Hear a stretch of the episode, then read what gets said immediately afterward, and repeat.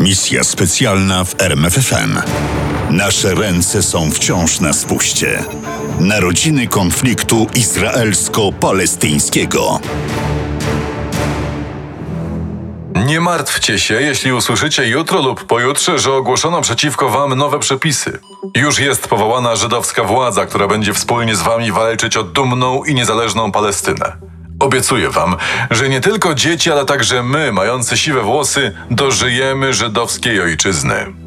Tak mówił Dawid Ben-Gurion tuż po zakończeniu II wojny światowej w obozie dla uchodźców w Landsbergu. Obietnicę spełnił.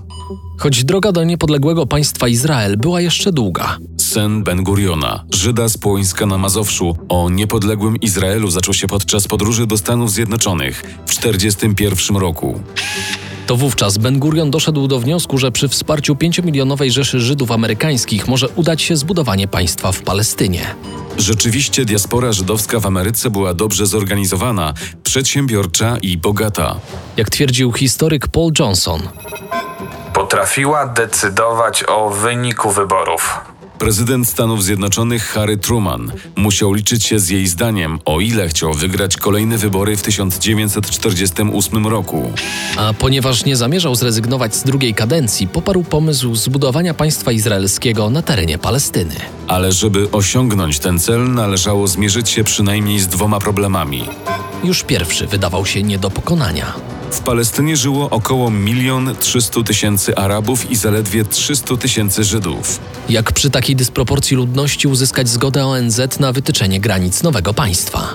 A co ważniejsze, jak państwo o tak małej populacji ma przetrwać w Morzu Arabskim? Nikt w Waszyngtonie czy Londynie nie wątpił, że z chwilą ogłoszenia nowego państwa spadnie na nie fala arabskich wojsk.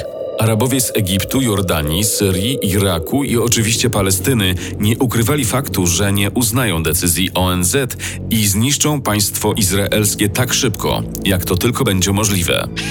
Tymczasem Trumanowi i bogatemu lobby żydowskiemu na forum ONZ udało się osiągnąć wystarczające poparcie, by głosowanie na temat utworzenia państwa Izrael zakończyło się sukcesem. W dniu 29 listopada 1947 roku rezolucja nr 181 o podziale Palestyny na dwa państwa, żydowskie i arabskie, została przyjęta. I natychmiast oprotestowana przez państwa arabskie. Zanosiło się na wielką awanturę na forum międzynarodowym. Arabowie bronili się twierdząc, że zamieszkują te ziemię od VII wieku, czyli już ponad 1300 lat. Żydzi, owszem, władali tą ziemią. Ziemią obiecaną, jak ją nazywali, ale w czasach biblijnych. Historycy przyjmują istnienie Królestwa Izraelskiego mniej więcej na okres od 1030 roku przed naszą erą do 931 roku przed naszą erą, czyli do śmierci sławnego króla Salomona. Potem nastąpił dwustuletni okres rozbicia królestwa, a w końcu rozbiór pomiędzy Asyrię i Babilon. A działo się to wszystko mniej więcej wtedy, gdy nad Tybrem w dalekiej Italii Romulus zakładał miasto Rzym. Przez następne 2600 lat Powtórzmy, 2600 lat Izrael lub mówiąc inaczej Palestyna były prowincją mocarstw Babilonii, Persji, Imperium Rzymskiego, a w czasach nowożytnych Turcji i Imperium Brytyjskiego. w XIX wieku narodziła się idea syjonizmu, czyli myśl polityczna zmierzająca do utworzenia państwa żydowskiego na terenie starożytnego Królestwa Izraela, w ziemi obiecanej. Ale czy Żydzi mieli prawo do tej ziemi? Oni twierdzili, że tak. Arabowie, że nie. W takiej sytuacji konflikt był nieunikniony i rezolucja ONZ nie mogła mu zapobiec. Tym bardziej, że Izrael otrzymał około 55% terenów Palestyny wraz z najważniejszymi miastami, portami morskimi i wybrzeżem. nie da się nie zauważyć, że Arabom pozostawiono przede wszystkim pustynię. Jerozolima miała pozostać międzynarodowym miastem pod kontrolą ONZ. Żydzi zabrali się za wytyczanie granic państwa i walczyli o poparcie rządów na arenie międzynarodowej. Po ich stronie stanęły dwa mocarstwa Stany Zjednoczone i Związek Radziecki.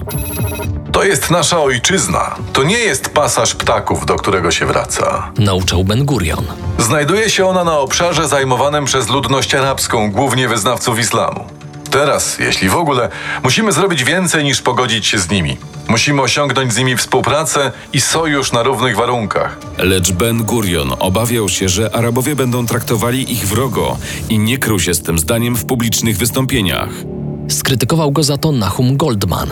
Ben Gurion jest człowiekiem ponoszącym główną odpowiedzialność za antyarabską politykę. Goldman, prawnik i polityk pochodzący z litewskiej diaspory żydowskiej, zauważył nie bez racji, że należy dać Brytyjczykom i Amerykanom więcej czasu, aby opracowali z Arabami trwałe zasady współpracy między państwem izraelskim i muzułmańskimi krajami Lewantu. Lecz Ben Gurion się nie zgodził. Chciał sam decydować o kształcie swojego Izraela.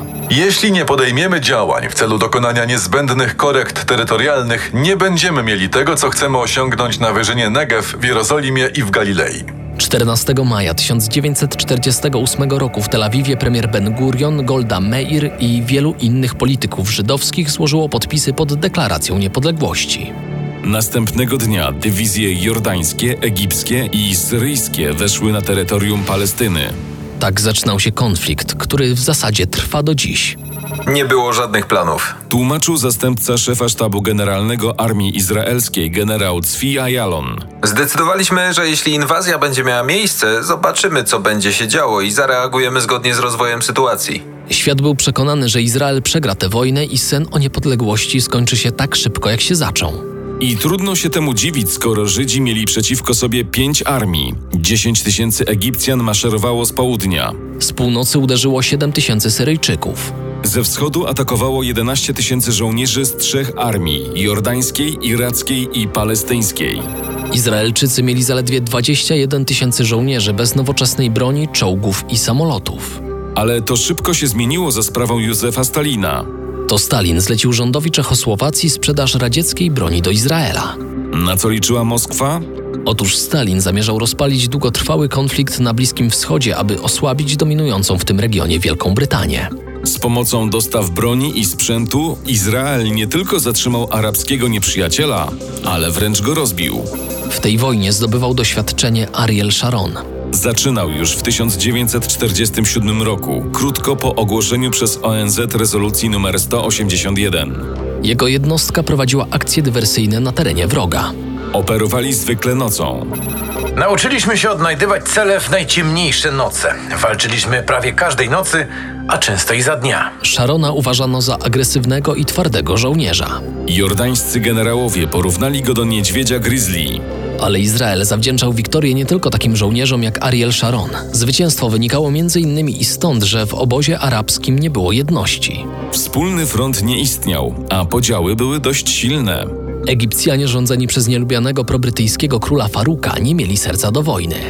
Wmanewrowali nas w tę wojnę. Co my mamy do Palestyny? Skarżył się pułkownik Jamal Nasser. To był podstęp Anglików, żeby odwrócić naszą uwagę od faktu, że oni okupują nasz Egipt. Król Jordanii Abdullah miał powiedzieć do ambasadora Izraela w Moskwie Goldy Meir podczas tajnego spotkania Oboje mamy wspólnego wroga. Muftiego. Mufti bardzo liczył na to, że ofensywa państw arabskich zdobędzie dla niego państwo palestyńskie, a on zasiądzie na jego czele.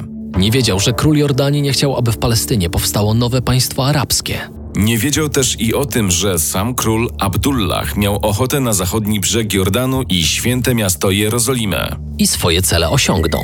Wojna zakończyła się w 1949 roku zwycięstwem Izraela. Terytorium młodego państwa poszerzono o niewielkie, ale cenne tereny na pustyni Negev, w Galilei i w Jerozolimie, co dla Żydów było szczególnie ważne. Natomiast w kolejnym roku Jordania przyłączyła do swego terytorium zachodni brzeg Jordanu. Zaś strefę gazy zatrzymał Egipt. To właśnie te dwa rejony, zachodni brzeg Jordanu i strefa gazy, wyrosły na symbole wojen żydowsko-arabskich. Po wojnie lat 48-49, którą Żydzi nazywali wojną o niepodległość, 750 tysięcy Arabów wyjechało z Palestyny. Jedni uciekali przed terrorem izraelskich żołnierzy, inni posłuchali apeli palestyńskich przywódców. Bezpiecznego kąta szukali głównie w Jordanii, Syrii i Libanie. Liczyli na pomoc rządów tych państw w znalezieniu nowych domów i miejsc pracy. Zawiedli się. Nie pozwolono im się osiedlić. Pozostali w obozach jako widoczny dla świata powód kolejnych wojen, bo tak było wygodniej państwom Ligi Arabskiej. Natomiast w odwecie kraje arabskie wyrzuciły Żydów. Izrael zyskał ponad pół miliona nowych obywateli. Teraz trzeba było znaleźć dla nich miejsce, co przy skromnych zasobach żyznych gruntów wcale nie było takie łatwe. Zaczynała się walka o ziemię, która była tylko jedną z wielu odsłon izraelsko-arabskiej zimnej wojny. Stosowano w niej wszelkie chwyty, które miały w istocie jeden cel zduszenie gospodarki Izraela, a w konsekwencji jego upadek. Egipcjanie zablokowali kanał Suezki dla statków izraelskich. Takie postępowanie było sprzeczne z prawem międzynarodowym, gwarantującym wolną żeglugę przez kanał wszystkim statkom tak w czasie pokoju, jak i wojny. W 1956 roku prezydent Egiptu Nasser znacjonalizował kanał, czym wywołał kryzys międzynarodowy. Francja i Wielka Brytania szykowały armię do uderzenia na Egipt. Ponieważ wynik tej wojny był z góry przesądzony na korzyść koalicji, w ekspedycję antyegipską zaangażował się również Izrael.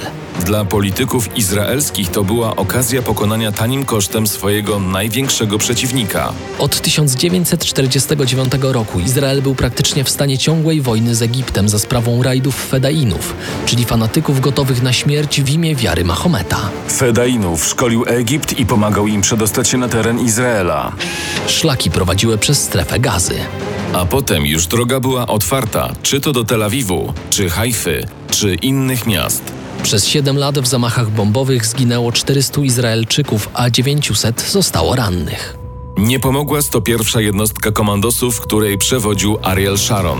Owszem, wypady oddziału do strefy gazy za granice Egiptu i Jordanii przyniosły stronie arabskiej straty. Po naszych akcjach byliśmy przekonani, że terroryści dwa razy się zastanowią, zanim znów uderzą. Twierdził Sharon. Przecież wiedzieli na pewno, że padną ofiarą odwetu. A jednak mimo tych słów Ariela Sharona wydaje się, że akcje odwetowe przyniosły efekt odwrotny od zamierzonego. Chętnych, by wstąpić w szeregi Fedainów, przybywało. Także akty terroryzmu trwały nadal. Izrael liczył na to, że wojna z Egiptem to zmieni. Nikt zresztą nie wątpił, że będzie to wojna zwycięska. Przewidywania strategów sprawdziły się na polu walki. Egipcjanie byli bici przez Brytyjczyków, Francuzów i Izraelczyków. I pewnie Nasser musiałby się poddać, gdyby nie wtrąciły się w ten konflikt Stany Zjednoczone i Związek Radziecki. Premier Ben Gurion odebrał telegram z Moskwy. Związek Radziecki jest przygotowany na użycie siły w celu zniszczenia agresora i przywrócenia pokoju. Dokładnie tej samej treści telegramy odebrano w Paryżu i Londynie. Do tego odezwał się jeszcze Waszyngton. Prezydent Eisenhower nalegał, by Wielka Brytania wycofała wojsko z Egiptu. Nikt z trzech premierów zaangażowanych w wojnę nie wątpił, że te ostrzeżenia trzeba brać poważnie. A tymczasem na forum Rady Bezpieczeństwa ONZ Amerykanie zażądali wycofania dywizji izraelskich z Półwyspu Synaj. Waszyngton i Moskwa bezpośrednio odezwały się do premiera brytyjskiego z kolejnym ostrzeżeniem.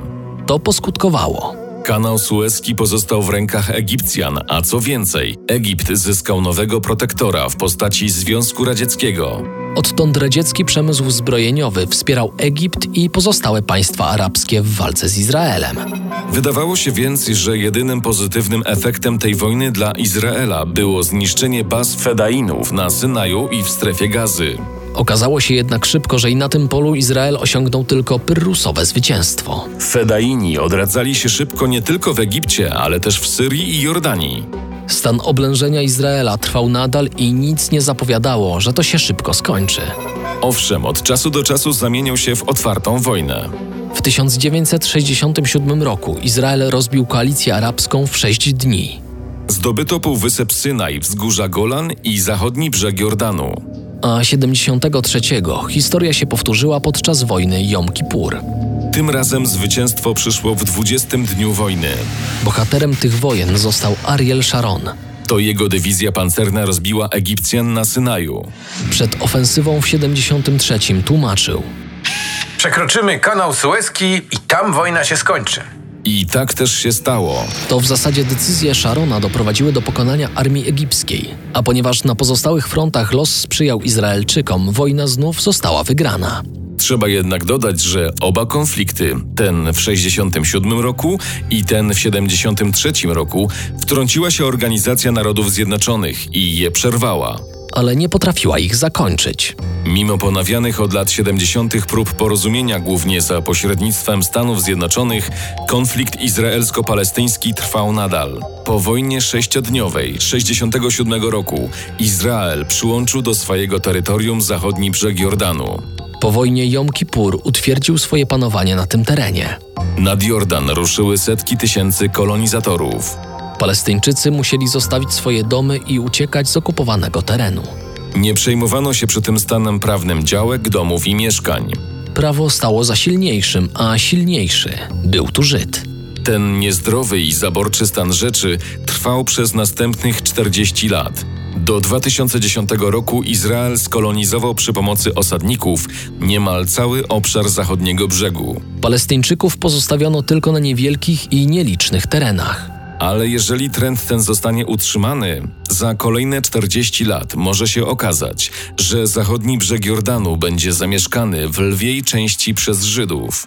Wydaje się więc, że zaborczość Izraela nie ma końca, a walka o ziemię stała się głównym celem polityki Tel Awiwu. Ale to nie do końca prawda. Ariel Sharon, wspominany tu niejednokrotnie pierwszy żołnierz Izraela, już jako premier, we wrześniu 2001 roku zaproponował przyznanie Palestyńczykom ziemi na wschodnim brzegu i w strefie gazy. Te niespotykane wcześniej propozycje natrafiały na opór prawicowych partii w Izraelu. Na słowach się nie skończyło. W 2005 roku na mocy decyzji premiera Sharona 10 tysięcy Żydów musiało opuścić strefę gazy i zachodni brzeg. W rewanżu grupa oburzonych rabinów rzuciła na Ariela Sharona klątwę. Wezwali na pomoc anioła śmierci. A Benjamin Netanyahu w proteście złożył dymisję i odszedł z rządu. Nie wiadomo, czy zadziałała klątwa, czy niezdrowy tryb życia premiera. W każdym razie w grudniu 2005 roku Sharon trafił do szpitala, z którego już nie wyszedł. Kilka razy go operowano, ale bez powodzenia. Po ośmiu latach w śpiączce Ariel Sharon zmarł. Przez cały ten czas między Izraelem a Palestyną trwała wojna, która raz rozpala się mocnym płomieniem, to znowu przygasa. Tym razem na front nie wychodziły już dywizje pancerne, lecz Mossad. Mossad, czyli izraelski wywiad tropiący palestyńskich terrorystów z organizacji Hamas. Powtarzały się zamachy terrorystyczne i odwetowe akcje komandosów izraelskich. Inicjatywa pokojowa Ariela Sharona na niewiele się zdała. Nie przyniosły skutku również próby złagodzenia konfliktu przez prezydenta autonomii palestyńskiej Mahmuda Abbasa. Palestyńczycy nie umieli porozumieć się między sobą w kwestii wspólnej polityki względem Izraela. Kiedy jedni mówią o porozumieniu, drudzy odpalają rakiety, prowokując izraelski odwet.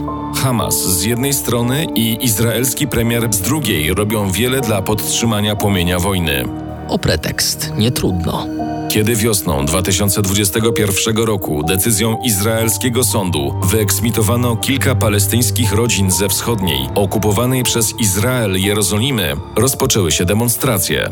Doszło do zamieszek. Policja izraelska użyła gumowych kul i gazu łzawiącego. W odwecie Hamas ostrzelał izraelską część Jerozolimy rakietami. To znów sprowokowało armię izraelską do nalotów na strefę gazy, gdzie kryli się bojownicy Hamasu. Niestety, ta historia uczy, że Bliski Wschód może płonąć jeszcze przez wiele lat. A jeśli nie pojawi się szczera wola porozumienia z obu stron, nad Izraelem i Palestyną jeszcze długo będą wisiały demony wojny. Na razie między Hamasem a Izraelem zapanował rozejm, który wszedł w życie nocą z 20 na 21 maja 2021 roku. Lecz już obie strony straszą się nawzajem. To prawda. Walki dzisiaj się zakończyły, Mówił Doha Ezad El-Reshik, jeden z liderów politycznych Hamasu. ale Netanyahu i cały świat powinien wiedzieć, że nasze ręce są wciąż na spuście. Premier Izraela odpowiedział równie groźnie. Jeżeli Hamas myśli, że będziemy tolerować gęsty deszcz rakiet, myli się. Odpowiedzią na jakikolwiek wyraz agresji przeciwko społecznościom w rejonie Gazy lub innych częściach Izraela będzie nowy poziom siły. Po tych zapowiedziach nieprędko doczekamy się gołąbka pokoju na Bliskim Wschodzie. Misja specjalna w RMFFM. Na tropie największych tajemnic historii.